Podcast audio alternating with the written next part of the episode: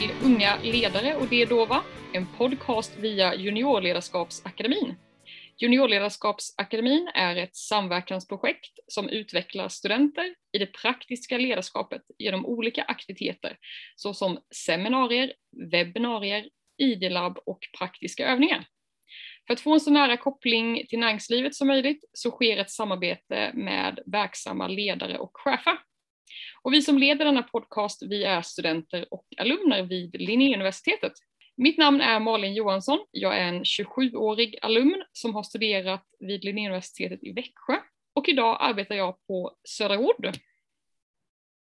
Ja, mitt namn är Erik Hedman och jag är 24 år och är också en alumn.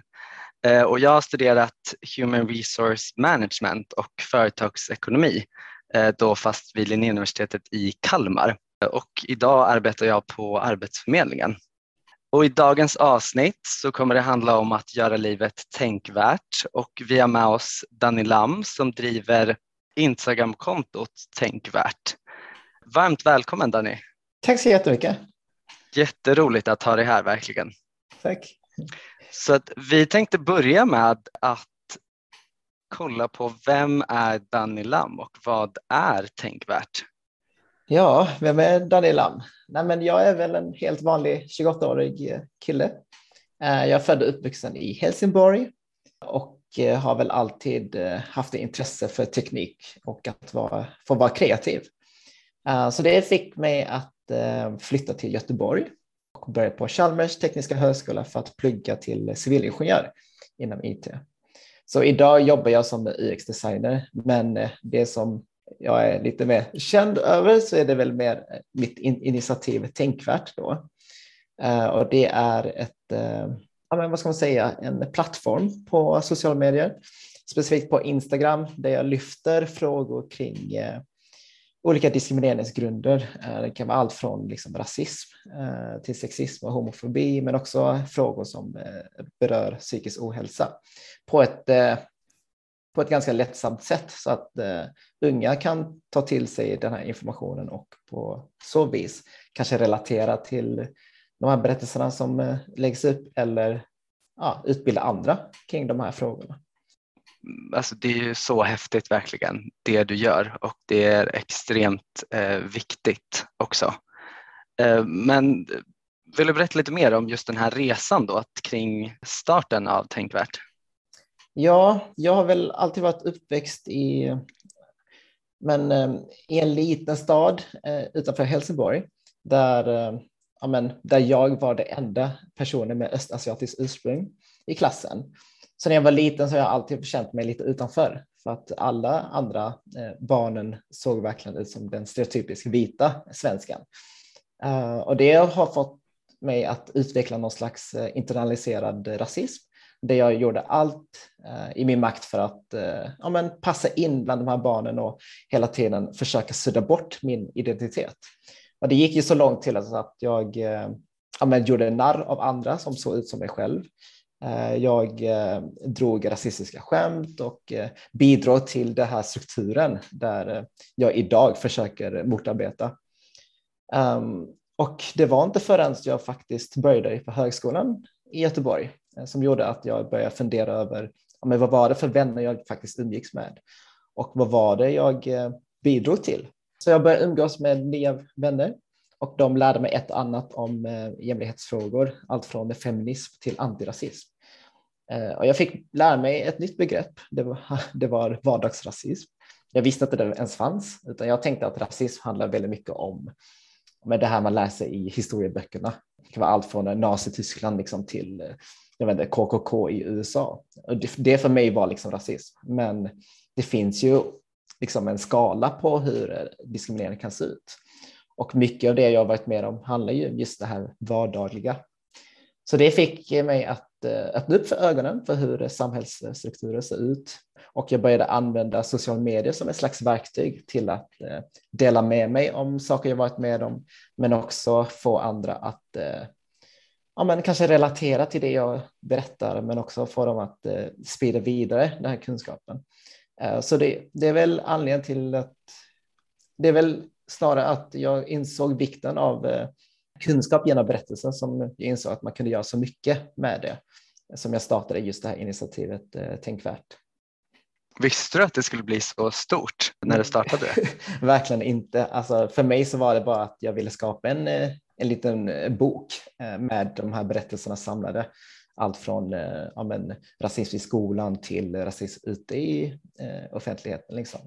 Mm. Samlat i en bok för att man ska kunna ge bort den här boken till någon som kanske inte är så insatt och få dem att få den här kunskapen genom att bara läsa berättelserna. Och sen det ena ledde till det andra och nu har kontot växt väldigt stort. Liksom. Hur länge har du hållit på nu då, om man skulle sätta en tidsram på det? Det här bokprojektet började 2015. Men jag skulle säga Instagram-kontot som ni känner till idag har jag väl drivit i fyra år nu. Ja, häftigt. Jag tänkte bara vi kunde flika in där för de som sitter och lyssnar här nu och söker på ordet tänkvärt på Instagram. Ja. Kanske de inte får upp så mycket. Vad är det Instagramkontot faktiskt heter Danny? Eh, det är tänkvärt utan vokaler. Så TNK VRT. Och det, var, det var bara för att eh, jag hade först en blogg och då kunde man inte få in Å, Ä, Ö så jag tog bara bort dem. Så det blev ja, ja, ja. Men eh, vad ser du för utmaningar med att driva Tänkvärt? Oj, det finns många utmaningar. Nej, men I och med att jag blandar berättelser med nyheter så är det väldigt viktigt med just källkritik. Är det någon nyhet som redan finns och en svensk media har redan skrivit om det så är det mest att jag bara sammanfattar på ett sätt som gör det lätt eh, läsligt för eh, följarna. Men är det kanske en person som har delat med sig och jag vill dela med mig vidare den berättelsen så är det väldigt viktigt att jag kolla med den personen, eh, hör av mig till ja, men, kanske folk som är inblandade. Liksom. Så det blir väl någon slags journalistik, grävande journalistik. Samtidigt som jag inte riktigt har en utbildning i de här, hur man eh, ja, men, intervjuar och så, men eh, jag gör så gott jag kan och jag tror ändå folk förstår att det här är ju något jag gör, driver ideellt. Jag, jag skulle säga att det är mycket källkritik i alla fall, men också försöka få in den genuina berättelsen som finns där utan att eh, det ska försvinna genom att, att jag gör om det. Liksom. Mm. Precis, men jag tänkte så här, vad är, vad är målsättningen med kontot idag? Eller så här, vad, vill du, vad vill du få fram liksom med, med, det du, med hur du använder det? Eller vad man ska säga? Ja, jag skulle säga att det långsiktiga målet är väl att eh, kontot inte ska behöva finnas. Det ska liksom inte behöva utbilda människor om just liksom strukturell rasism. Det, det känner jag är det långsiktiga målet. Men om vi kollar kortsiktigt så är det väl mer att eh, försöka påverka unga, för det är de jag har som eh, största målgrupp på Instagram. Åldern eh, 13 till 20 är den största målgruppen på Tänkvärt och det är ju den målgruppen jag vill nå för att jag vet att de, många läser inte tidningar och många vill ha ett ställe där information är väldigt lättillgängligt och sammanfattat på ett sätt som är ja, men, lätt att förstå. För det är ju komplexa frågor vi pratar om. Det handlar ju om eh, diskriminering och det handlar om orättvisor. Så det är ju väldigt känsliga ämnen, men samtidigt det är viktigt att faktiskt prata om det och eh, bara skapa ja, men, opinion och diskussion kring dessa ämnen. Men om vi, om vi spinner vidare lite på, på det då, liksom att hur, hur gör man eller har du några tips på hur man pratar om, om de här ämnena? Ja, jag personligen gillar inte att peka finger riktigt. Jag gillar inte liksom stå och säga, ja men du är rasist. Du, du har sagt något rasistiskt liksom. Utan jag försöker förklara ur mitt perspektiv eh, hur det här påverkar mig som individ. Och på så sätt har jag fått många att förstå, liksom, eh, inte konceptet, men förstå hur rasism kan påverka människor. Och vi är ju människor trots allt och vi vill ju inte trampa på andras tår. Liksom. Så det, det för mig är ett, ett strategi att få folk att själva förstå hur det kan påverka andra. Eh, så jag tror att rasism och liknande diskrimineringsgrunder eh, handlar om okunskap, som det var med mitt fall. Det var, liksom, det var inte förrän jag faktiskt umgicks med andra människor som är insatta som fick mig inse vikten av att faktiskt prata om de här sakerna och eh, vikten av att ha verktyg att ens kunna prata om det. Ehm, så för mig så handlar det väldigt mycket om att bara eh, rent utbilda eh, genom personliga berättelser och anekdoter. Men också förstå sin roll i det hela. Om man inte vill eller har ork att utbilda så ska man inte behöva göra det heller.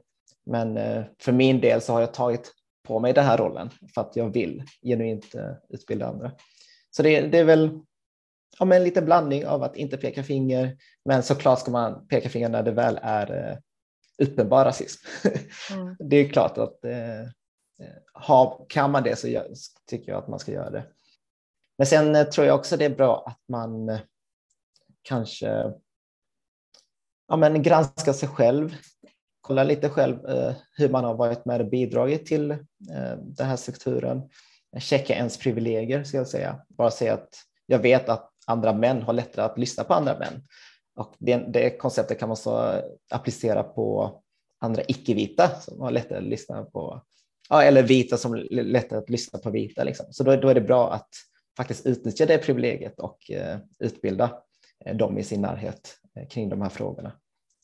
Jag, jag, vet någon som sa någon gång typ så att eh, utgår du och, eller så här, funderar du över dina egna eh, biases, eh, hur säger man på svenska, ja men dina egna typ fördomar, fördomar mm. Mm, så, så kanske du kommer fram till att ja, men du har en hel del fördomar även om du inte vill ha dem och det kan vara ganska liksom, bra att börja där hos sig själv. Mm. Och det är, det är så jag har fått göra med mig själv, liksom, för att jag har själv blivit utsatt, men jag har själv också varit med och bidragit till eh, de här fördomarna och föreställningarna. Liksom. Så det, det är en väldigt bra början, men också lära sig att lyssna. Det är jätteviktigt. Vi är så vana att alltid ha åsikter i allting. Så det är bra att bara lyssna på de här berättelserna som eh, talas ur en eh, minoritetsgrupp, liksom. eh, men också som du säger, liksom, att man ska ja, men checka sig själv och börja där i alla fall. Jag vet ju att eh, både jag och Erik följer ditt Instagramkonto. Eh, och något som jag, jag också sa det till Erik och jag slogs av efter liksom ett, att jag hade följt kontot ett tag var ju att du är ju väldigt duktig på, tycker jag, att liksom framföra ett budskap och vara neutral. Eh, eller liksom så här, informativ men neutral. Och så, så som du sa innan, att genom, eh, så här, ge kunskap genom en berättelse. Mm. Hur gör du för att vara så informativ och verkligen få fram ditt budskap? Men jag tror jag utgår mycket från mig själv. Hur, för att, alltså självklart har jag fått höra av andra att, att jag eh, har varit problematisk, liksom, att jag inte borde ha sagt det där, att jag inte borde ha gjort det där. Men det blir så svårt för en att lyssna på det. Det är så lätt att bli defensiv. Man, man blir liksom, nej men jag är inte rasist. Jag, jag tycker inte så här och jag håller inte med dig. Anledningen till att jag har liksom kommit dit jag är idag är nog för att jag själv har fått chansen att bara lyssna, läsa de här berättelserna och fått en egen uppfattning om vad jag tycker och tänker. Och det tror jag behövs i dagens samhälle, liksom, att bara låta folk tänka igenom. Är det så här jag tycker? Är det så här jag tänker? Och hur påverkar det här mig och andra? Eh, så jag tror just det här relaterbara biten är jätteviktigt. Eh, att man själv får fundera över vad man tycker och tänker. Mm, och hur gör du i de här situationerna som du kanske inte riktigt kan relatera till? För det, det ser man ju också väldigt mycket mm. på din Instagram om personer som anser att du ska ta upp saker som du inte riktigt har haft tid att tagit upp men du är ju också eh, en person eller ni kanske två som, hur många är ni som driver kontot? Det, det är jag och sen eh, har jag, driver även en podcast tillsammans med en kompis. Ja, men precis, så det, det, man kan inte, det är ju 24 timmar Nej. på ett dygn och man har inte möjligheten att läsa alla nyhetskanaler i hela världen. Nej. Hur, men, har du någon strategi för det? Eh, jag, jag skulle säga att alltså, att våga göra fel, det är ett, en grej som många liksom inte riktigt vågar. Men man kanske inte vågar erkänna att man har fel heller, utan man står fast vid sina åsikter. Liksom. Och jag är en person som är väldigt öppen för olika perspektiv, för att jag förstår att alla människor har inte samma erfarenheter, alla har inte samma perspektiv på saker och ting. Eh, så när jag lyfter ett ämne som eh, jag kanske ja, men lyfter på ett fel sätt eller liknande så lyssnar jag väldigt mycket på dem som har just den erfarenheten. Eh, för att på ett sätt, men för att nyansera debatten liksom, och låta dem som faktiskt det påverkar få komma till tals. Eh, och då är det jätteviktigt att man inte blir defensiv och bara nej, men eh, jag lyfter det här för att jag vill eller jag lyfter det här för att eh, jag anser mig vara bättre liksom, eller kan mer. Utan det, jag, jag ser liksom själva erkännandet att man har fel som ett sätt att faktiskt utvecklas och bli bättre hela tiden. Och det, det är någonting jag har sett att många inte vågar liksom erkänna det.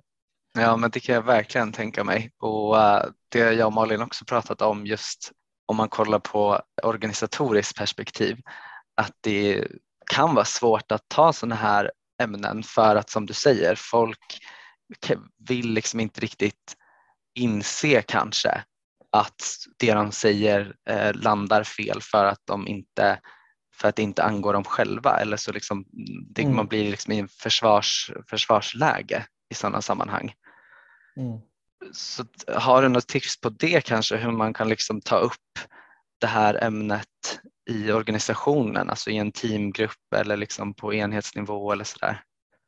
Mm, ja, Nej, men jag skulle väl säga att har man svårt att ta upp det med kanske en chef eller kollegor eller liknande så kan man alltid börja först med, med att prata om sådana här saker med sina vänner. Börja liksom långsamt där och sen kanske med sin familj. Eh, börja kanske säga ifrån i fikabordet eller ja, men börja trappa upp i alla fall tills man kommer till den nivån att man faktiskt eh, vågar ta det steget och prata med och säga ifrån i, i en arbetsplats eller i en organisation. För jag vet själv att nu när jag precis börjat jobba så, så då vill man ju passa in liksom i allting. Om, även om man kanske hör saker som inte är okej okay, så vill man ändå inte vara den som är den. Men eh, rasism och sånt, det är ju obekvämt och det ska vara obekvämt för att det är inte någonting som eh, vi bara ska ta med en klackspark. Liksom. Så det, det jag säger, menar är att eh, ibland är det svårt att bara liksom, eh, vara den som tar den debatten hela tiden, utan det är bra att börja långsamt och försöka få andra att ja, men vara med en så att man är flera som säger emot saker och ting. Ja, det, det, jag tror det är väldigt viktigt med just att man är många som säger emot, vilket gör att man normaliserar ett beteende i, eh, ja, men, det kan vara liksom på arbetsplatsen eller vad som helst. Mm. Och tror jag att man skulle kunna få in någon eh, rutin inom organisationen för att liksom kunna organisatoriskt sett ta upp sådana här ämnen oftare?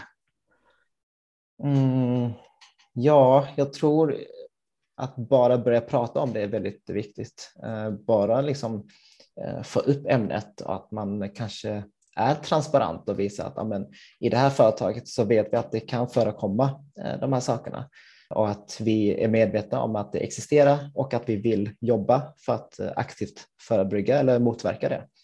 Eh, det tror jag är väldigt viktigt för det finns många arbetsplatser som inte riktigt erkänner att det finns utan man tänker att man hela tiden är så ja, men, jämlikt liksom, och att det är andra organisationer som har problem.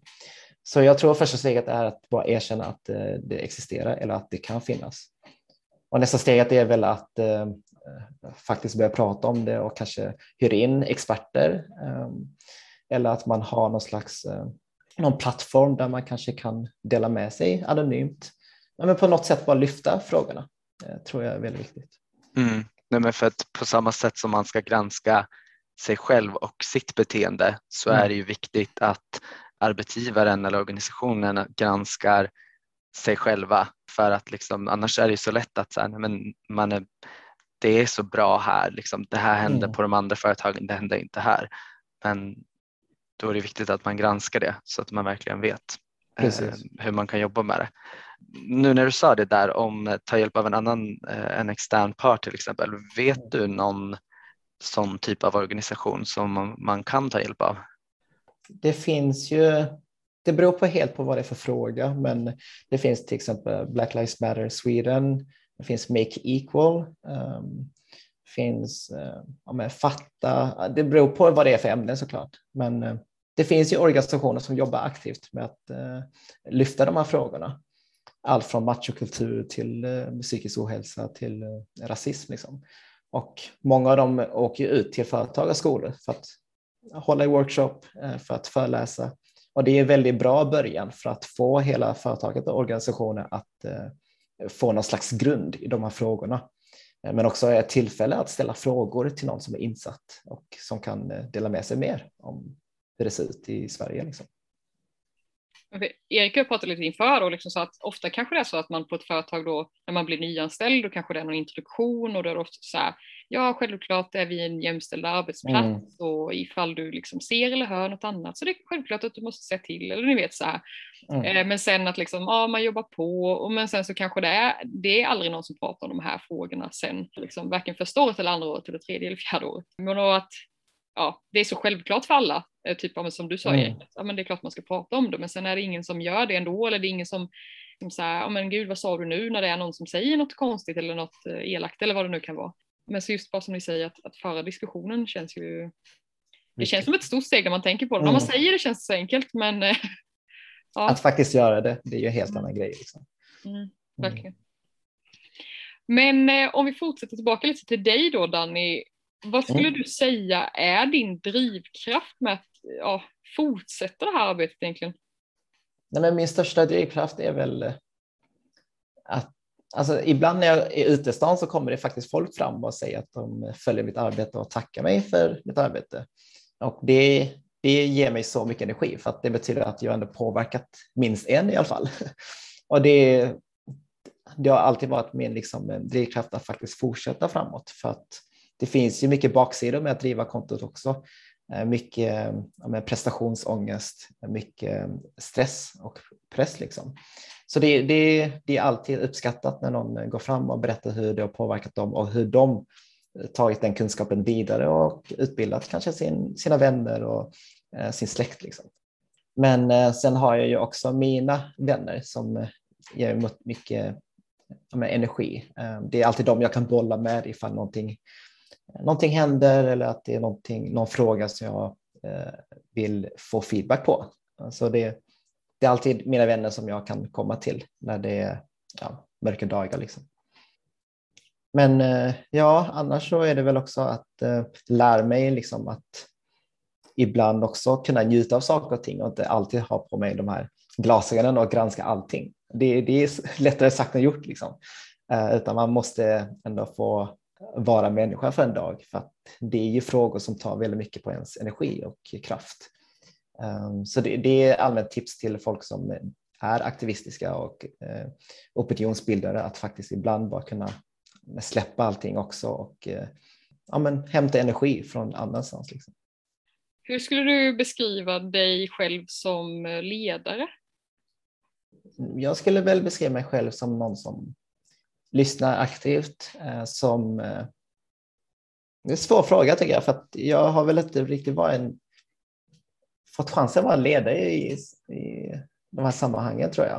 Eh, utan jag har väl känt mig mest bekvämt med att följa andra tror jag. Men ja, jag, vet inte, jag, jag, tror jag är bra på att lyssna och att eh, försöka få alla att eh, känna sig trygga liksom, och eh, få folk att vara öppna med mig. Det är också ett viktig eh, egenskap tror jag. Mm. Och det, alltså man kan ändå klassa dig som ledare som att du har så extremt många följare på Instagramkontot. Och eh, som du beskriver, det stämmer ju också väldigt bra med det du har berättat om tidigare. Liksom, att samla in allting och sen att eh, förmedla det vidare. Liksom. Mm. Har du några förebilder som du ser upp till? Um, oh, jag har fått så många frågor om förebilder, men jag, jag har faktiskt inte någon, eh, någon förebild så där som är offentlig eller så, utan det är väl mer ja, men, eh, min mamma till exempel. Hon eh, är en person som jag ser upp till för att hon har alltid haft det jobbigt i sitt liv, men hon har ändå på något sätt eh, funnit en positiv väg för att eh, ja, men komma framåt och ändå kunna leva ett liv som hon eh, kan uppskatta. Liksom. Eh, och det har för mig varit eh, ja, men någonting som jag vill eh, få in i mitt liv också. Eh, så det, ja, men jag skulle väl säga min mamma, tror jag. Mm. Hur har du gått tillväga för att boosta ditt självledarskap eller liksom ditt självförtroende? Jag tror det är bra att påminna sig själv att de här liksom hatkommentarer som jag ibland får, att de är ingenting jämfört med alla de som faktiskt stöttar mig. Uh, och det, på något sätt så ger det mig ändå en liten boost under de dagarna där jag känner mig nere på grund av allt uh, troll och hat liksom, som man kan få ibland. Eh, så det, det, är väl ett sätt för mig tror jag, att bara liksom boosta och tänka positivt. Och det är just det här, det finns ju anledning till varför det är liksom 165 000 som följer kontot. Liksom. Det, det, måste ändå finnas någonting. Och att de som brukar sprida hat är ju bara en väldigt, väldigt liten eh, ja, minoritet som är högljudda. Liksom. Jag tänker vi pratar lite om, om troll på nätet och så, men om vi säger att du själv skulle möta någon på stan eller alltså du ute vad som helst som säger någon liksom, hatisk kommentar till dig eller till någon mm. av dina vänner oavsett vad det handlar om. Hur så här, besvarar du det? Om det är så face to face med någon? Mm.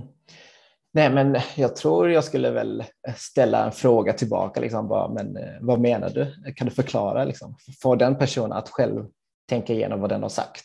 För som jag sa innan så tror jag att det kan bli värre om man pekar finger och liksom ropar tillbaka eller något sånt. Jag tror att det blir bara hetsigare, hetsigare stämning och att personen inte kommer att reflektera över vad som hände nyss. Liksom. Så jag tror om man är den som är mogen i, i konflikten så tror jag det kan få personer att eh, kanske åtminstone känna skuldkänslor att den har sagt de här sakerna. Så det, ett bra sätt är att ställa frågor. Ja, men eh, vad menar du? Mm. Det, det, tipset går så att applicera om någon drar rasistiska eh, skämt till exempel på en arbetsplats eller på, i en organisation. Att man bara ställer en fråga, men kan du förklara vad du menar? Och liksom försöka få den personen att själv inse att oj, okej, okay, det jag sa var kanske inte acceptabelt. Liksom. Väldigt bra tips. I juniorledarskapsakademin så ger ju vi studenter möjlighet att förkovra sig i det praktiska ledarskapet. Varför tror du att det är viktigt? Vad sa du, varför är det viktigt att? Uh... Ja, men att utbilda sig i ett praktiskt ledarskap. Nej, men jag, vet, jag tänker väl att uh, vi behöver bra ledare allmänt. Det finns så många ledare där ute som som inte liksom aktivt lyssnar, som eh, använder härskartekniker, som använder eh, med olika sätt eh, att eh, missbruka sin makt ehm, för att trycka ner andra människor.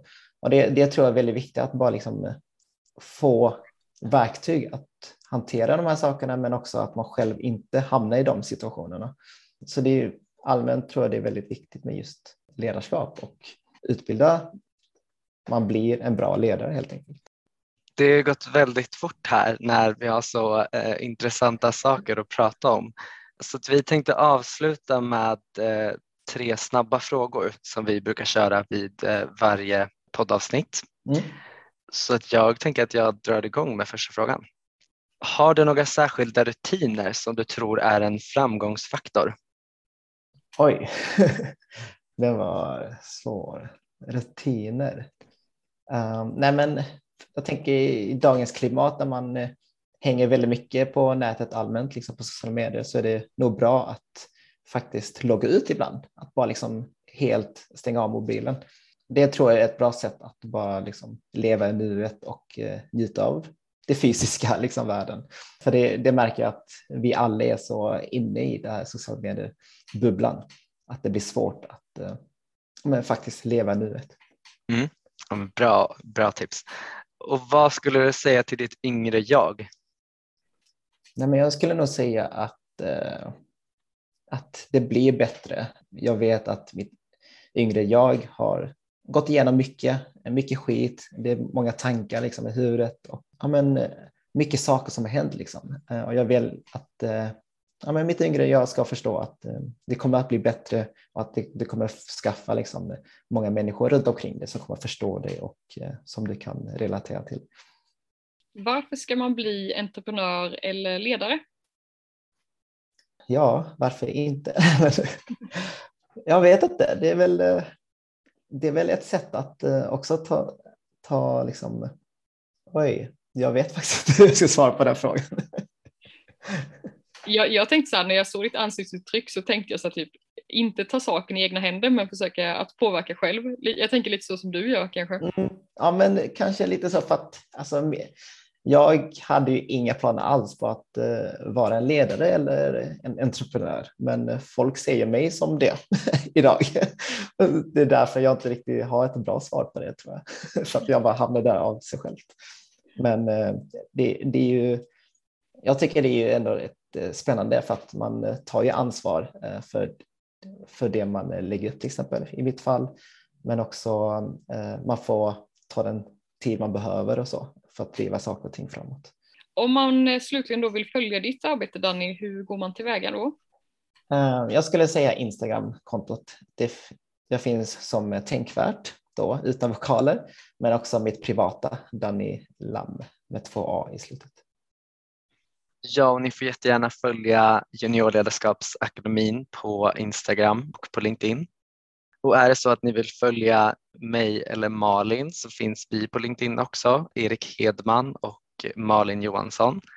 Och om det är så att ni vill komma i kontakt med oss så kan ni läsa mer på ledarkunskap.se. Ja, men då får vi säga tusen tack till dig Danny för att du var med idag. Tack själv för att jag fick vara med. Tack.